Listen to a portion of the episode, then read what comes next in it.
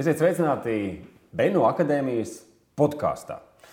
Šo podkāstu var gan redzēt, nu, tādā īsā versijā, bet garo versiju droši var atrast arī audio variantā. Un šodien mēs runāsim par ērču slimībām Latvijā. Un tā nav viena, viena slimība, pat ne divas. Izrādās tādu ir daudz vairāk.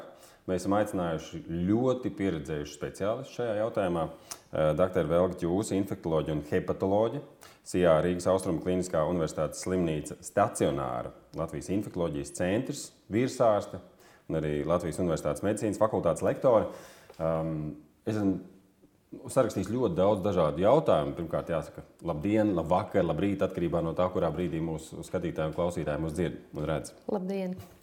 Un, uh, pirmkārt, jau ņemot vērā to, ka ir īpaši silts laiks, un kā es dzirdēju, šodien uh, hidrometeorologi pat ziņo, ka turpinās rudens, pavasara periods. Un, nu, jau pirms kāda laika ir iestājies, kā izrādās, arī meteoroloģiskais pavasaris. Ziemai tā arī neiestājoties. Ērts arī nav attiecīgi ņēmušas vērā to, ka būtu kalendārie ziemas mēneši un jāliekas mierā. Un šajā laikā nevien mežos un pļavās, bet arī parkos, krūmājos un zālienos ērts dzīvo un ir pieejams arī pilsētniekiem. Pareizāk sakot, pilsētnieki ir pieejami ērcēm. Un tāpēc mēs jau tagad par to gribētu parunāt.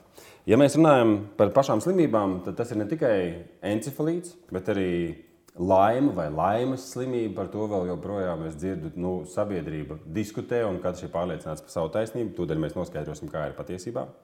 Tad vēl uh, izrādās, ka tā konkrētāk runājot par šīm slimībām, tās uh, progresējot, var radīt nopietnas gan centrālās nervu sistēmas, gan sirds un locītavu bojājumus. Un, um, slimību kontrolas un profilakses centrs dati liecina, ka ar dažādām mērķu pārnētām slimībām gadu slimo apmēram nu, vairākas simti cilvēku. Uh, 2017. gadā vien ir bijuši vairāk nekā 600 laimes slimību gadījumi. Nedaudz retāk ir ērlihiozes gadījumi, paceļ rokas tie, kuri dzird pirmo reizi šo apzīmējumu. Savukārt encefalīts, uh, nu, tā ir tā vienīgā slimība, pret kuru mums ir vakcīna. Ik gadu ķer apmēram 200 cilvēku. Diemžēl arī ir letāli gadījumi. 2019. gadā ir miruši 4 cilvēki. Pirms mēs ķeramies pie detaļām, noskaidrosim apzīmējumus.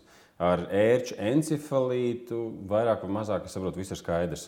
Kas ir laimes slimība vai laimes slimība un kas tā ērlihioza?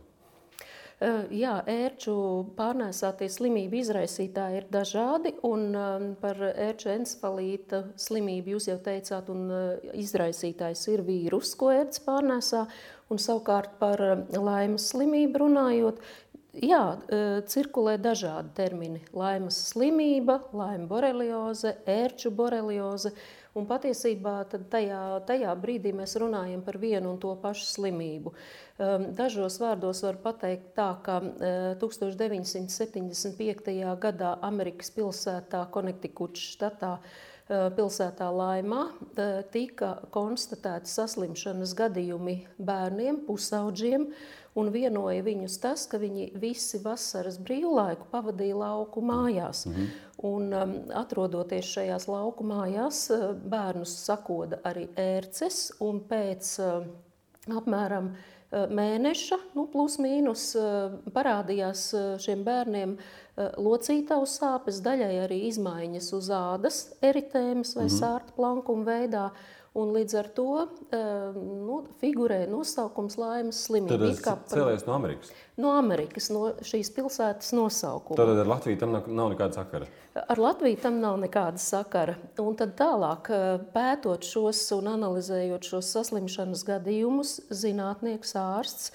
Uh, Villijs Burgdorfers uh, konstatēja, kas ir šīs problēmas izraisītājs. Viņš konstatēja mikroorganismu, kas ir spirohēta, uh, Un šim zinātniekam par godu šo spirohētu nosauc par borēliju. Un borēlija burgdorferī ir cits nosaukums, ar ko arī apzīmē šo izraisītāju. Un trešais termins, kas no visa šī ir izveidojies, ir laima borelioze, -hmm. ar ko mēs it kā šo pilsētu pieminam.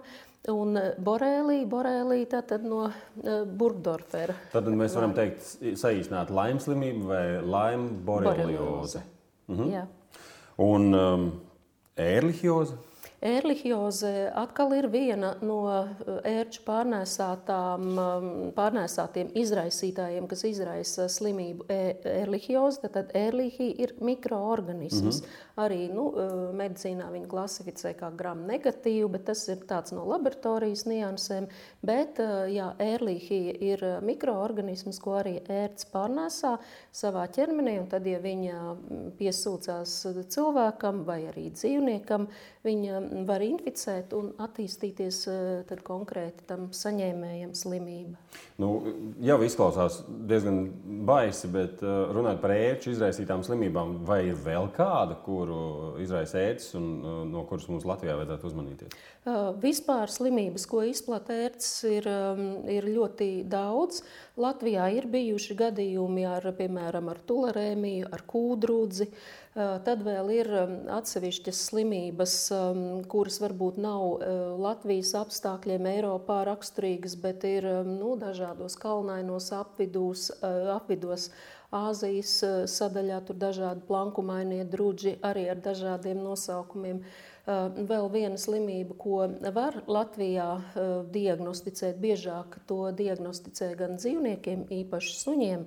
Tā ir babezioze. Arī, arī eh, babēze ir mikroorganisms, kas iekļūstot dzīvnieku organismā, var sabojāt sarkanos asins ķermenīšus, eritrocītus, citiem vārdiem sakot, un var aiziet, aiziet arī nu, bojā.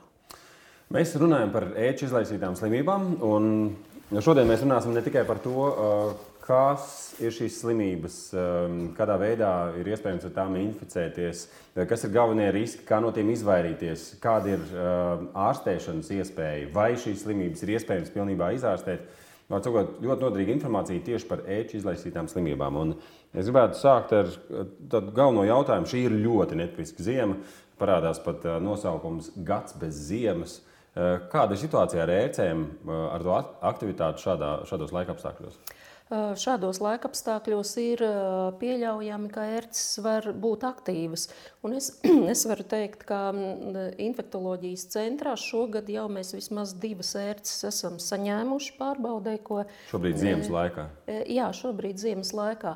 Ja pagājušajā gadā mēs paskatāmies, tad pirmo ērci mēs noņēmām 3. janvārī.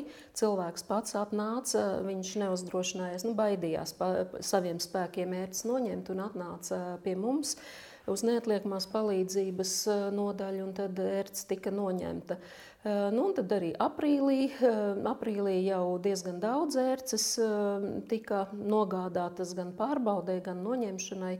Nu, šogad, šogad ir tās divas. Mm. Bet nu, pagaidām par inficētību nevar neko teikt, jo ērces nebija inficētas. Mm -hmm. Un kā būs tālāk, nu, to mēs redzēsim. Bet vispār siltajā laikā um, ērces var būt aktīvas. Tad, ja gaisa temperatūra ir plus 4-5 grādi, tad viņas ir gatavas meklēt savu upuri un baroties. Un tas attiecas arī uz pilsētiedzīvotājiem?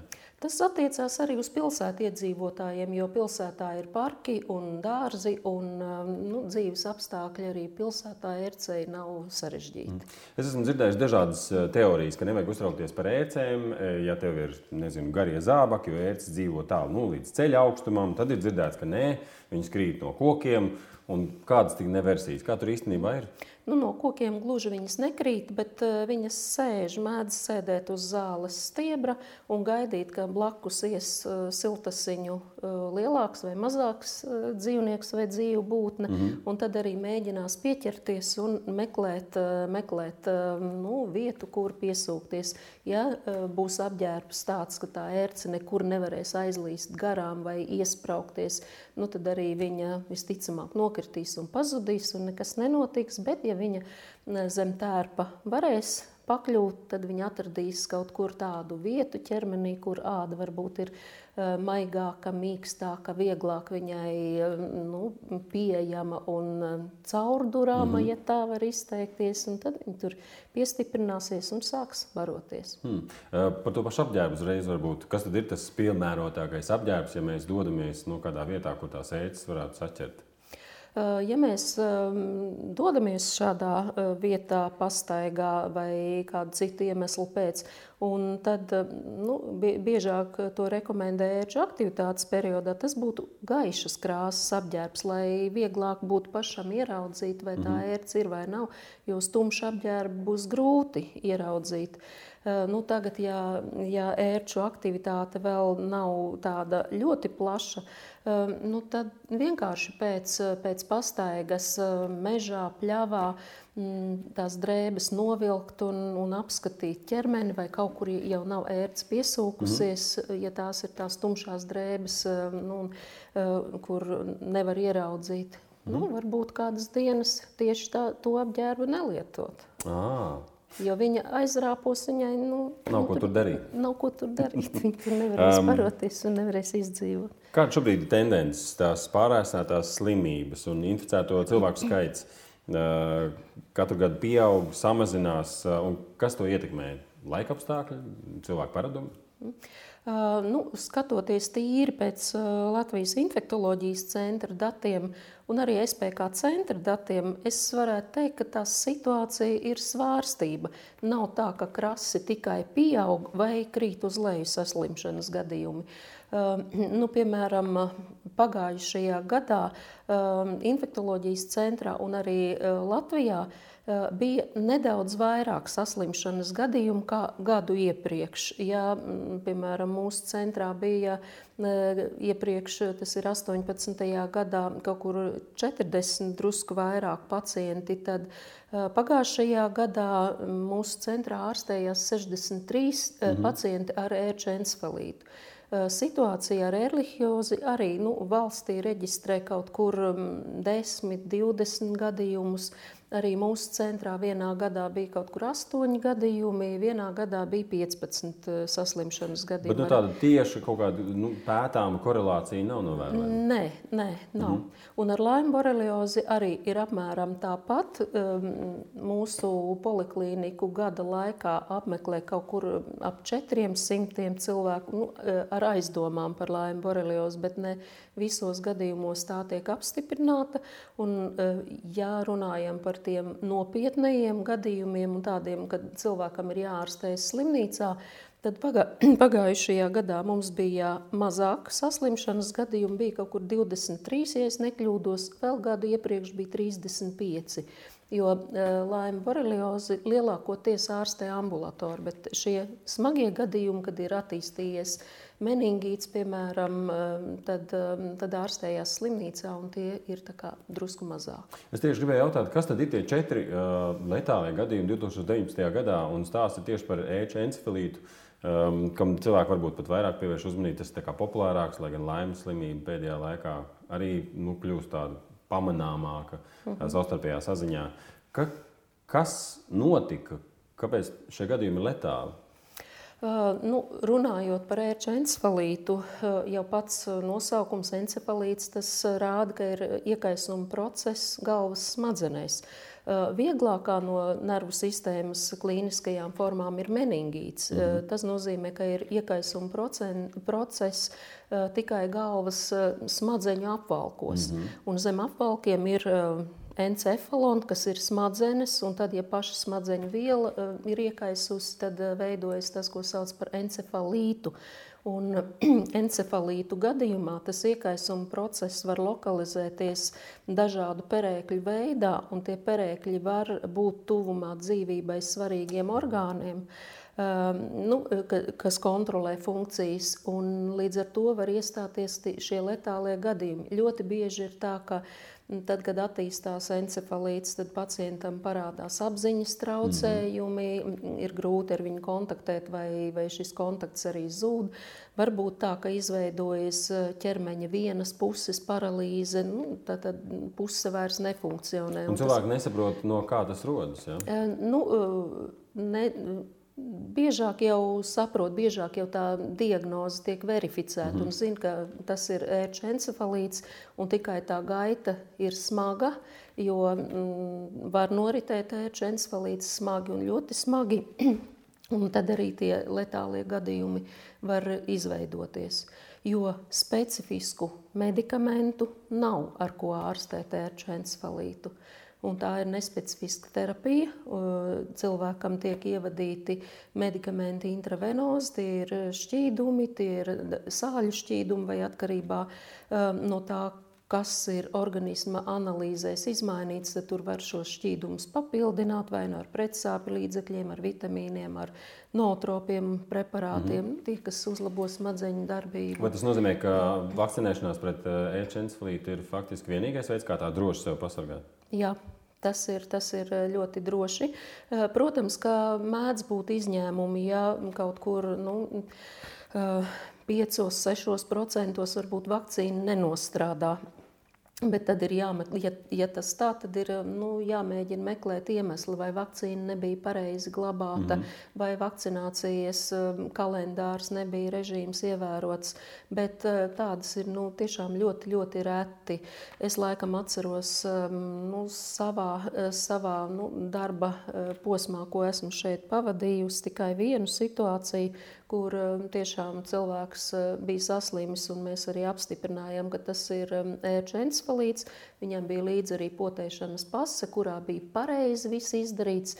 Uh, bet tas, um, tā labā lieta, kas bija, bija klīniskā aina, nebija smaga. Mm. -hmm. Praktiski nu, divu nedēļu laikā cilvēks bija, bija izvesļojies un bez jebkādām komplikācijām un bez jebkādām uh, atlieku parādībām. Bet noteikti kaut kur parādīsies ziņa par to, ka lūk, es biju, vai es zinu kādu, vai es zinu kādu, kurš zina kādu, kurš mm. bija inficējies, arī potēts, un tāpēc tam nav nekādas jēgas. Uh, nu, uh, es negribētu piekrist, ka tam nav nekādas jēgas. Jēga ir, protams, ka var būt tāds. Stāsts par to, ka no jā. viena gadījuma bieži vien tiek izpūst no savas zilos. Nu, jā, nu, tā, tā cilvēki mēdz darīt, bet principā, ja mm, cilvēks ir pret kādu slimību potējies, un ja tiešām uh, viņš ir tajos dažos procentos, kur varbūt nenostrādāja vakcīna vai nostrādāja nepilnvērtīgi, mm -hmm. tad šie cilvēki parasti nesaslimst ar smagām mm. Eh, formām. Arī tad viņi, ir vairāk ne, pasargāti. Jā,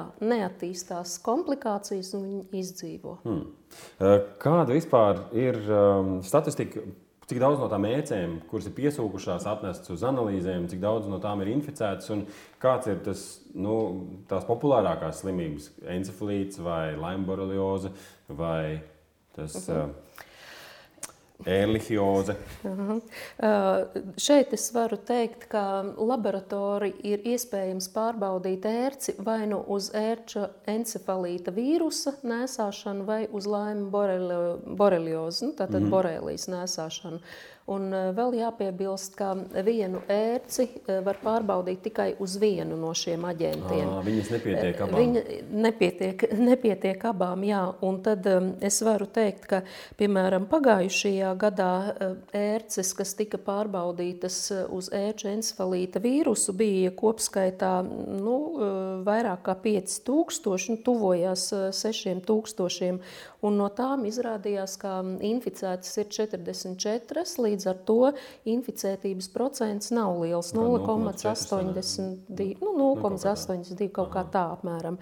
Un savukārt uz borēlijām tika izmeklētas um, vairāk kā pusotra tūkstoša ērces, no tām gan bija 385 inficētas un tad sanāk, ka vairāk kā 25% ir, ir uh, inficētas ar borēlijām. Tad laima borelioze faktiski sanāk tāda bīstamāka, pret to nav vakcīnas, un arī procents ir augstāks. Jā, bet te ir jāpaturprātā vēl tāda lieta, ka, ja cilvēkam piesūcas inficēta ērce vai no nu ar vīrusu, vai ar boreliju, tas nenozīmē, ka tas cilvēks obligāti saslims. Ir e, pētījumi vairākās valstīs arī veikti, bet tur tie procenti atšķirās. Um, piemēram, par laimu boreliozi, ja ir piesūkusies ērce e, bijusi cilvēkam, tad tā, tas risks, ka saslims, ir no dažiem procentiem Nu, maksimālo es esmu lasījusi līdz 14%. Un nevis 25%. Tieši tā. Um, tad uzreiz nākamais jautājums ir šī ērce, viņa ir piesaukusies, ko darīt. Ir ļaudis, kur ir um, stāstījuši, piemēram, nevajag eļļu, viņa vēms, tad arī inficēsies. Jāgriež pa labi, jāgriež pa kreisi. Redz, kur speciāli stanziņas, nē, vajag labāk diedziņu. Nē, labāk pats neaiztiec, labāk dodies uz to centru. Nē, nākamajā dienā viņa ir izžūst, tur neko vairs nevar darīt. Un mhm. šādu versiju variantu ir ārkārtīgi daudz. Kāda ir pareizā rīcība gadījumā, ja tu atrodi piesaukušos ērci? Nu, Pirmkārt, ja šī piesūkusies ērce ir atrasta, tad viņu vajag maksimāli ātri dabūt no ķermeņa. Jā, jo uh, risks palielinās uh, ievadīt brūcē vai nu vīrusu, vai baktēriju, vai boreliju. Ja? Borelija ir baktērija. Uh, jo viņi ilgāk barosies tā ērce, jo ir lielāks risks, ka, ka šie mikroorganismi iekļūs. Līdz ar to ērce labāk pēc iespējas uh, nu, ātrāk noņemt. Mm -hmm. Noņemt var mājas apstākļos, noņemt var dodoties uz ārstniecības iestādi. Un tā tehnika, metodika, kā to darīt, arī ir dažāda. Ja agrāk rekomendēja tur siet diedziņu virsū, um, tad um, es domāju, ka tas ir diezgan sarežģīti. Uh, bet mūsdienās ir ļoti labi pieejama, pieejama aptiekās nopērkami nu, instrumenti, ja tā var teikt. Ir tādas nelielas plāksnītes, plānas, mm -hmm. kur stūrītī ir, ir tāda. Nu, pušums, mm -hmm. kuru var uz, uzmaukt, uzmaukt, uzmaukt jā, ērci, ērci snuķim, ērci nesaspiežot, tā kā ah. pie, piespiežot to plāksnīt pie ādas un, un, un uzliekot virsū, un tad viņi vienkārši izceļ. Tās apakšā. Jā, jā, jo ir arī ļoti svarīgi nesaspiest ērces vēderiņu, jo tad mēs mehāniski, mehāniski visu to, kas viņai tur iekšā ir, arī varam atstāt brūcē. Mm. Ar to plāksnīti man patīk. Es esmu pati ņēmusi ērces arī nost, un, un tas ir viegli. Tad vēl ir pieejamas arī tādas pincetītes ar vēderiņu, vai nu tur ir, ir, ir nu, tāds kā nospiež un tad uzliek ērcei un, un tā pincete saķer to ērci un arī viņi saķer tā tikai pie tā kakliņa aha, un tas vēderiņš paliek tajā pincetes. Jā. pincetes Bet tad sanāk jāgaida, kamēr tā ērce kārtīgi piesūcas un viņi ir lielāki, ja tikko viņi ir pamanīti uzreiz labāk. Tikko pamanīta labāk uzreiz, uzreiz ņemt nost. Mm -hmm. Vēl es ieteiktu pirms eh, lietot vai, vai to plāksnīti, vai to pincetīti, eh, nu, samitrināt vates, eh, pikucīti, alkohola, nu, šnabī mhm, vislabāk, mm -hmm. vai ja ir spirts pieejams Jā. vai spirtā, bet noteikti nevajag eļļu, ko jūs minējāt, mm. un, un viegli uzlikt uz pāris minūtēm to slapjo vatīti RC virsū, un tad to plāksnīti izmantot vai pinceti, jo, nu, esmu arī lasījusi informāciju, ka ērce it kā, nu, it kā, kā narkozē, un tad viņai uh, atslābinās tie, tie āķīši, atskabargas, kas viņai ir tur tādi tajā snuķītī, jo tā vienkārši paņemt, nu, ērce tik vienkārši nedodās ārā, un tad viņi it kā atslābina tos, tos āķīšus, un tad vieglāk izcelt griezt pa labi vai griezt pa kreisi, nu, tā ir atkal katra individuāli atstrādātā ja tehnika. Ir. Un tad vēl viena lieta, ko es gribētu teikt, ja neizdodas veiksmīgi to ērci noņemt, un ja tur tas kaut kas no tā āķīša paliek, no deguntiņa paliek, tad nevajag uztraukties. Tad vajag atkal paņemt uh, jodu, ko var nopirkt. Tagad ir arī tādi joda zīmolīši. Tieši jodu. Jā, vislabāk. Tas ir dezinficējoši arī dzan un, un šo brūcīti un, un to. to ērces galviņa tur arī palīdzēs viņai ātrāk sažūt, un organisms pats viņu izmetīs mm -hmm. ārā. Kādreiz ļaudis cilvēki nobaidās un tad, tad mēģina ar adatu tur kaut kā bakstīt ārā to galviņu, bet to nevajag darīt. Ja, ja reiz notrūka, nodezinficēt, un viss viņa iznāks pati ārā. Un tā galviņa tur vairāk nefunkcionēs, un neko, mm -hmm. neko neievadīs, un nekādas slimības draudus neradīs. Cik ilgi pēc izvilkšanas ir jēga to ērci vest kaut kam, kādam rādīt uz analīzēm? Ērci ir ve, jēga vest rādīt, tad, ja viņa, ja viņa ir dzīva, nu, tad, ja viņu tikko noņem, nu, viņa, protams, ka būs dzīva. Mm -hmm. Tad varbūt arī nu, kaut vai mitrā salvetīte salvetītē, ūdenī samitrinātā salvetītē ielikt to ērci trauciņā un vēst. Jo, ja, ja viņi būs izžuvusi, tad um, laboratorijas speciālists nevar garantēt, ka tā atbilde ir korekta. Mm -hmm. Var saņemt viltus negatīvu atbildi, ja, ja tā ērce ir izžuvusi. Mm. Un, uh, runājot uh, arī par ērču pārbaudi, es domāju, ka tiem cilvēkiem, kuri ir potējušies pret ērču encefalītu, ka viņiem, nu, manā skatījumā, nav jēga pārbaudīt ērci uz ērču encefalīta vīrusu. Ja ir vēlme pārbaudīt uz boreliju, nu, tad var pārbaudīt.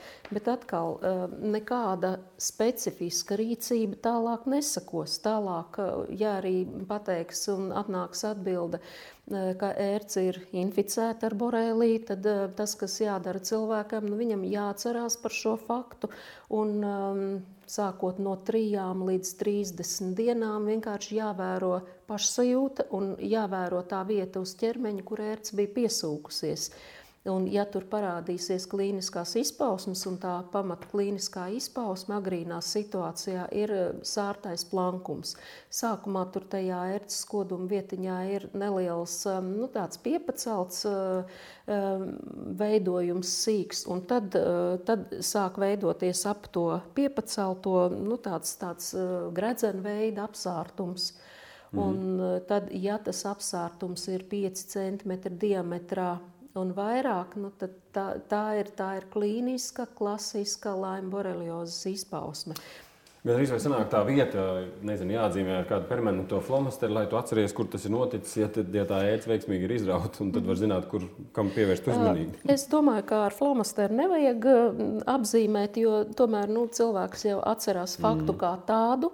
Un, un biežāk eritēmi parādās, ja viņi parādās tajā vietā, kur bija ērts piesūkusies, bet viņi var parādīties arī kaut kur citur pa ķermeni. Mm. Bet vienkārši tas laiks, nu, mēnesis ir maksimums, ko sev vajag pievērst uzmanību. Ja pleķis parādās, tad, tad momentāli pie ģimenes ārsta mm -hmm. un uh, laima boreliozi var veiksmīgi izārstēt un ne, nebūs pēc tam nekādas problēmas. Mm, jo ir dzirdēts, ka nu, tad viss tad, tad dzīvo ar to visu mūžu. Un... Nē, tā gluži nav. Tā gluži nav.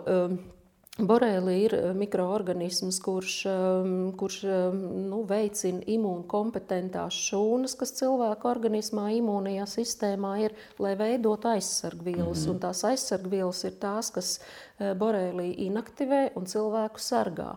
Ja kaut kāda iemesla pēc šīs aizsargvielas nav saveidojušās, um, tik daudz, eh, ka viņas spēja aizsargāt arī no nākošā, vai varbūt pēc diviem, trim gadiem ērces piesūkšanās momentu un atkal borēlijas iekļuvi, tad atkal klīniskā aina parādīsies. Bet eh, biežāk tomēr ir tā, ka tās aizsargvielas izveidojas pietiekami, cilvēks izārstējas, un ja ir atkārtoti kontakts ar ērci, um, inficētu, tad um, nekas nenotiek. Mm. Organisms pats tiek galā ar visu. Preču encefalītu. Kas notiek e-čenslīta gadījumā? Nu, tad tajos 99% gadī, gadījumu, kad cilvēks nav bijis acīm redzot vakcinējies un, un, un ir šo vīrusu saņēmis. Kas notiek tālāk, kā to var noteikt, kam jāpievērš uzmanība?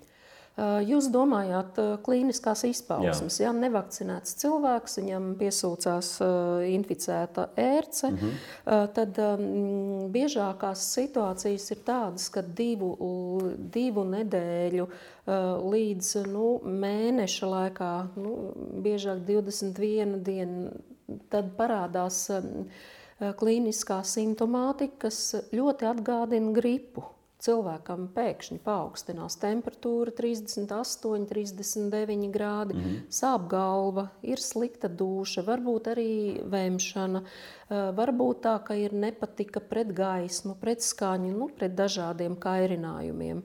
Un, um, nu, un tā ir, tā, tās, tās ir pirmās sērču encefalīta izpausmes. Un tad, ja cilvēkam vēl ir um, zināms tas fakts, ka bija piesūkusies ērce, tad arī nevajadzētu neko domāt, fantazēt, tad jāmeklē ārsta palīdzība. Un šajās situācijās parasti pacienti tiek arī stacionēti. Mm -hmm. Var būt tā, ka cilvēkam slimība aprobežojas tikai ar šo vienu epizodu, ar gripai līdzīgu simptomātiku. Tā ir pati pati vieglākā ērča encefalīta forma, saucamā drudža forma. Šādu terminu izmanto Latvijā. Eiropā tādu nelieto. Eiropā nu, neklasificē šādu formu, bet mēs klīniskajā praksē esam tādas redzējuši. Un, Nu, tā ir tā pati varbūt veiksmīgākā, vieglākā situācija ērča encefalīta gadījumā. Uh, ja ērča encefalīts ar to nebeidzas, ir šis eh, saucamais pirmais vilnis, gripai līdzīgā simptomātika, var būt, ka uz dažām dienām cilvēkam paliek nu, diezgan normāli. Viņš jūtas, ka oh, bija saaugstējies, laikam tagad viss ir kārtībā. Mm -hmm. Bet pēc dažām dienām atkal paceļās temperatūra, šie simptomi paliek vēl nopietnāki, un tad jau mājas apstākļos vairs netiek galā, un tad ir jau attīstījies meningīts, nu, tātad, ko es teicu, -hmm. smadzeņu apvalka iekaisums, un tad šie cilvēki nokļūst slimnīcā. Un slimnīcā veicot specifiskas analīzes, tās ir asins analīzes, uh, Ehm, tas var būt likvors, jo bieži vien, ehm, eh, nevis bieži vien, bet tad, ja ir meningiālie simptomi, nu, tad šīs stiprās galvas sāpes un nepatika pret gaismu, skaņu un tā tālāk, tad eh, pacientām tiek veikta arī lumbāla punkcija. Tas nozīmē, ka tiek izmeklēts likvors un tur arī atrod, um, atrod vai nu. Likvors ir? Uh, tas ir tas saucamais smadzeņu šķidrums, mm. tas, kas cirkulē nu, smadzenēs un, un, un mugurkaulā. Jā. Mm. Un tad um, kādreiz cilvēki baidās no šīs procedūras mm. un, un, un arī tāpat arī visādas stāstus stāsta, kā kā ir bijis. Eh, Bet labāk to izdarīt. Eh, jā, tas ir, tas ir vienlaicīgi gan kā diagnostiska manipulācija, gan arī atvieglojoša, nu, kā ārstnieciska, jo samazina spiedienu, intrakraniālo spiedienu un mazinās galvas sāpes cilvēkam, viņam kļūst vieglāk. Protams, ka mūsdienās tiek pirms šādas manipulācijas tiek veikta staru diagnostika, un ja, ja ir kaut kādas kontraindikācijas, ja tas varētu draudēt kaut kā pacientam, tad viņam neveic punkciju. Tad ar medikamentu palīdzību šo spiedienu koriģē. Par medikamentiem runājot, sāp gāva, nezinu, temperatūra un tā tālāk. Uzreiz mums galu galā aptiekā ir pieejami līdzekļi, mēs mm -hmm. dodamies uz aptieku, nu, mm -hmm. kaut ko pret galvas sāpēm, kaut ko pret drudzi un uz kādu brīdi ir miers. Šie medikamenti, ko varēs dabūt aptiekā, tā, tie lielākoties būs paracetamola veidīgie mm. vai, vai ibumetīna veidīgie, nu, klasiski, klasiski medikamenti. Viņi palīdzēs varbūt uz dažām stundām, bet nu, izārstēties ar to vien nevarēs. Simptomi progresēs, mm. un tāpēc nu, varbūt ar pašārstēšanos īpaši aizrauties arī uh, nevajag. Tad šie ir tie gadījumi, kur tomēr ārsts jā. un smagākos gadījumos arī um, slimnīca. Jā, jā. Um, ja mēs runājam par um, vakcinēšanos, nu, diemžēl tā situācija ir tāda, ka pateicoties sociālajiem tīkliem, cilvēks sausās nu, visādas muļķības, un līdz ar to mm. uh, cieši paši, cieši bērni, cieši apkārtējie. Um, runājot par ērču encefalītu, tomēr vakcīna ir pieejama. Kas ir jāzina par vakcinēšanos uh, pret ērču encefalītu? Jā, vakcinācija ir pieejama pret ēča encefalītu, un Latvijā tiek izmantotas nu, divu ražotāju vakcīnas. Viena ir Tikovaks, otra ir Encepūra pēc nosaukuma. Viena ir austriešu, viena vācu vakcīna. Abas divas ir principā savietojamas vakcīnas, ļoti efektīvas, ļoti tīras un, un patiesībā bez blaknēm. Ehm, mēs eh, šeit infektoloģijas centra vakcinācijas kabinetā izmantojam abas vakcīnas. Pirmā no, no šīm vakcīnām ienāca kaut kur 95. gadā. Eh, toreiz viņi sauca FSM imūno, ko tagad sauc par tikovaksu. Mm -hmm. Tiešām komplikācijas eh, nesam redzējuši un ir panesama laba, labi un, un efekts, efekts arī. Tad otra vakcīna Encepūra ienāca Latvijā kaut kur 2001. Nu, mm. gados. Arī, arī efektīva šīm vakcīnām nedaudz atšķirās, atšķirās ātrās vakcinēšanas režīms un, un vecumi, bērnu vecums un pieaugušā vecums. Mm. Abām vakcīnām ir pieejama gan šī ātrā vakcinācijas schēma, gan ātrā uh, schēma tiek pielietota tad, ja vakcinācija uzsāk ērču aktivitātes Jā. periodā. Jo, lai izveidotos imunitāte vakcīnai un ķermenim, makroorganismam ir jāiedarbojas zināmu laiku, Un uh, tad mm, mums tajā ērču aktivitātes periodā vajag, lai ātri izveidojas um, šīs aizsargvielas. Un tad ir tā, ka uh, um, Tikovākas gadījumā uh, saņem vienu vakcīnu un otru vakcīnu jau pēc divām nedēļām. Mm. Un tad vēl, nu, praktiski vēl nedēļu vajadzētu tā ļoti izsargāties, lai ērce ne, nepaspēja piesūkties. Un tad jau tajam vienam gadam, vienai sezonai aizsardzība būs nodrošināta. Mēs šobrīd to varam darīt. Mēs varam to šobrīd mm -hmm. darīt. Un jā. šobrīd mēs esam februāra otrajā pusē. Jā, nu, šis ieraksts. Jā, un ņemot vērā, ka ir mums silta zima vai praktiski ziemas nav, un pa kādai ērcei ir jau parādījušās, tad eh, nu, vēl it kā satraukumam nav pamata. Vēl varētu arī vakcinēties ar to tradicionālo schēmu. Tad būtu tā, ka izvēlētajā dienā saņem pirmo poti, pēc mēneša būtu jāsaņem mm -hmm. otrā, pēc mm -hmm. mēneša. Trīs mēnešus gaidīt, kā arī var uh, darīt, nu, tas jau būtu riskanti. Uh, jo pēc trījiem mēnešiem mērķis noteikti būs Aktivizēšās. ļoti. Jā.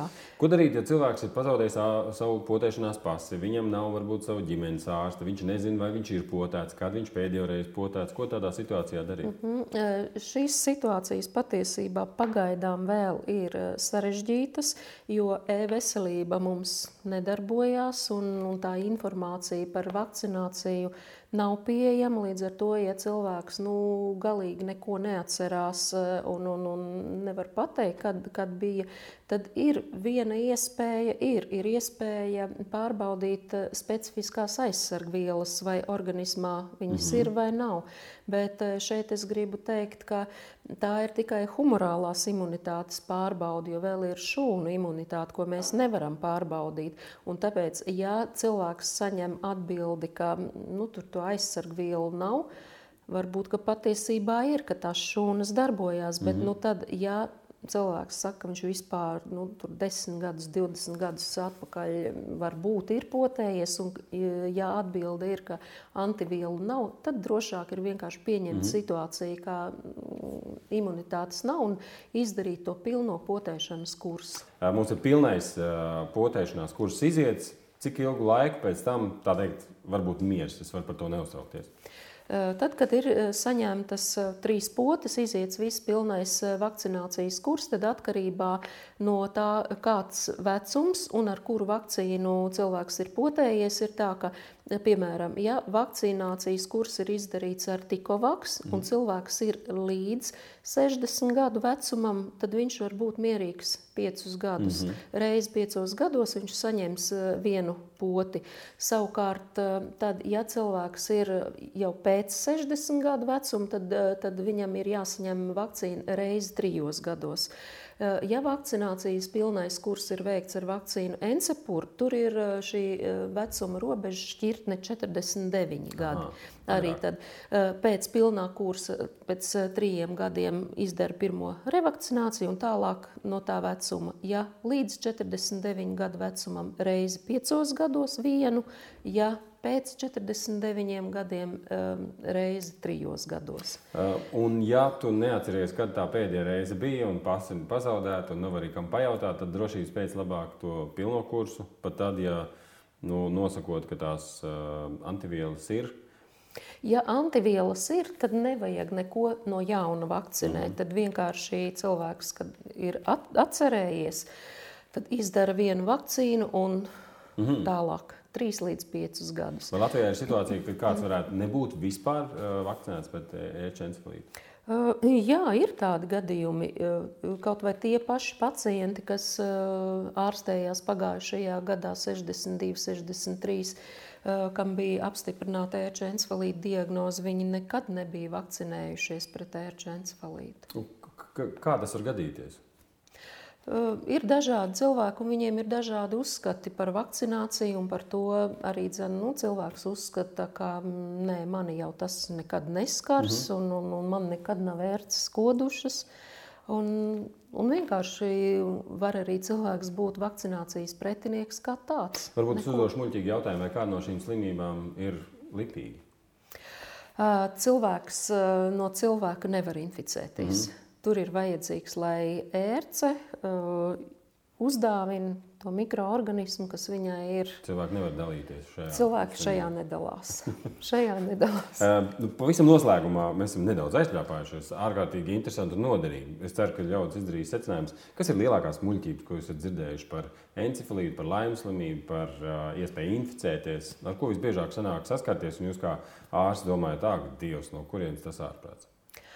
Uh, nu, es šeit vairāk. Uh, Mm, laikam sliektos uz to, ka cilvēki pārspīlē un eh, tieši ar laimi boreliozi pārspīlē. Eh, cilvēkam sāk sāpēt eh, sīkās locītavas, piemēram, ir pietūkums locītavās, ir noguruma sajūta. Un ģimenes ārstam var būt jau tas cilvēks ir apnicis ar savām sūdzībām. Un tad nozīmē, ā, pajautā, bet varbūt, jums ērts bija piesūkusies. Yeah. Jā, protams. Aha, nu tad nozīmē antivielas uz laimi boreliozi. Mm -hmm. Un tās uh, antivielas, tas pirmais um, skrīninga tests ļoti bieži ir pozitīvs. Un um, šis tests var būt viltus pozitīvs. Tad cilvēkam, jā, viņš um, savām sūdzībām atrod iemeslu, un tad viņš grib, lai viņam to izārstē, bet izrādās, nu, ka tā nav laima borelioze. Tā. Un tagad ir diezgan, diezgan um, nu, tāda varbūt arī ažiotāža un cilvēku neizpratne. Uh, par šīm lietām, un eh, varbūt arī hiperdiagnostika notiek, bet eh, tad, kad tas cilvēks... Kaut kur no interneta. Jā, gan no interneta, gan arī varbūt kāds no ārstiem, ar ko cilvēks ir konsultējies, īsti neprot interpretēt tos rezultātus. Jo, bet viņam sāp locītavas un viss tā kā jā, nākās. Bet, bet ir, ir tomēr gadījuma definīcijas izstrādātas gan Eiropas slimību kontroles centrā, gan Pasaules veselības organizācijas institūcijās, Amerikas slimību kontroles centrā. Un tomēr ārstiem arī ir, um, ir, ir tās zināšanas, un infektologiem ir zināšanas, un mm -hmm. tas mācību ilgums arī nav daži gadi. Un, un, tomēr, ja man tās šaubas ir, un tas ģimenes ārsts saka vienu, es domāju kaut ko otru, ko, ko iesākt tādam cilvēkam, kur viņam vērsties ar savām šaubām, ar bažām, ar bailēm? Nu, ja ir bažas, bažas par kādu no infekcijas slimībām, tad noteikti būtu vērts pierakstīties uz konsultāciju pie infektologa. Mm -hmm. Šeit gan es jāsaka, man ir tāda lieta, ka infektologs nav tiešās pieejamības mm -hmm. ārsts līdz ar to.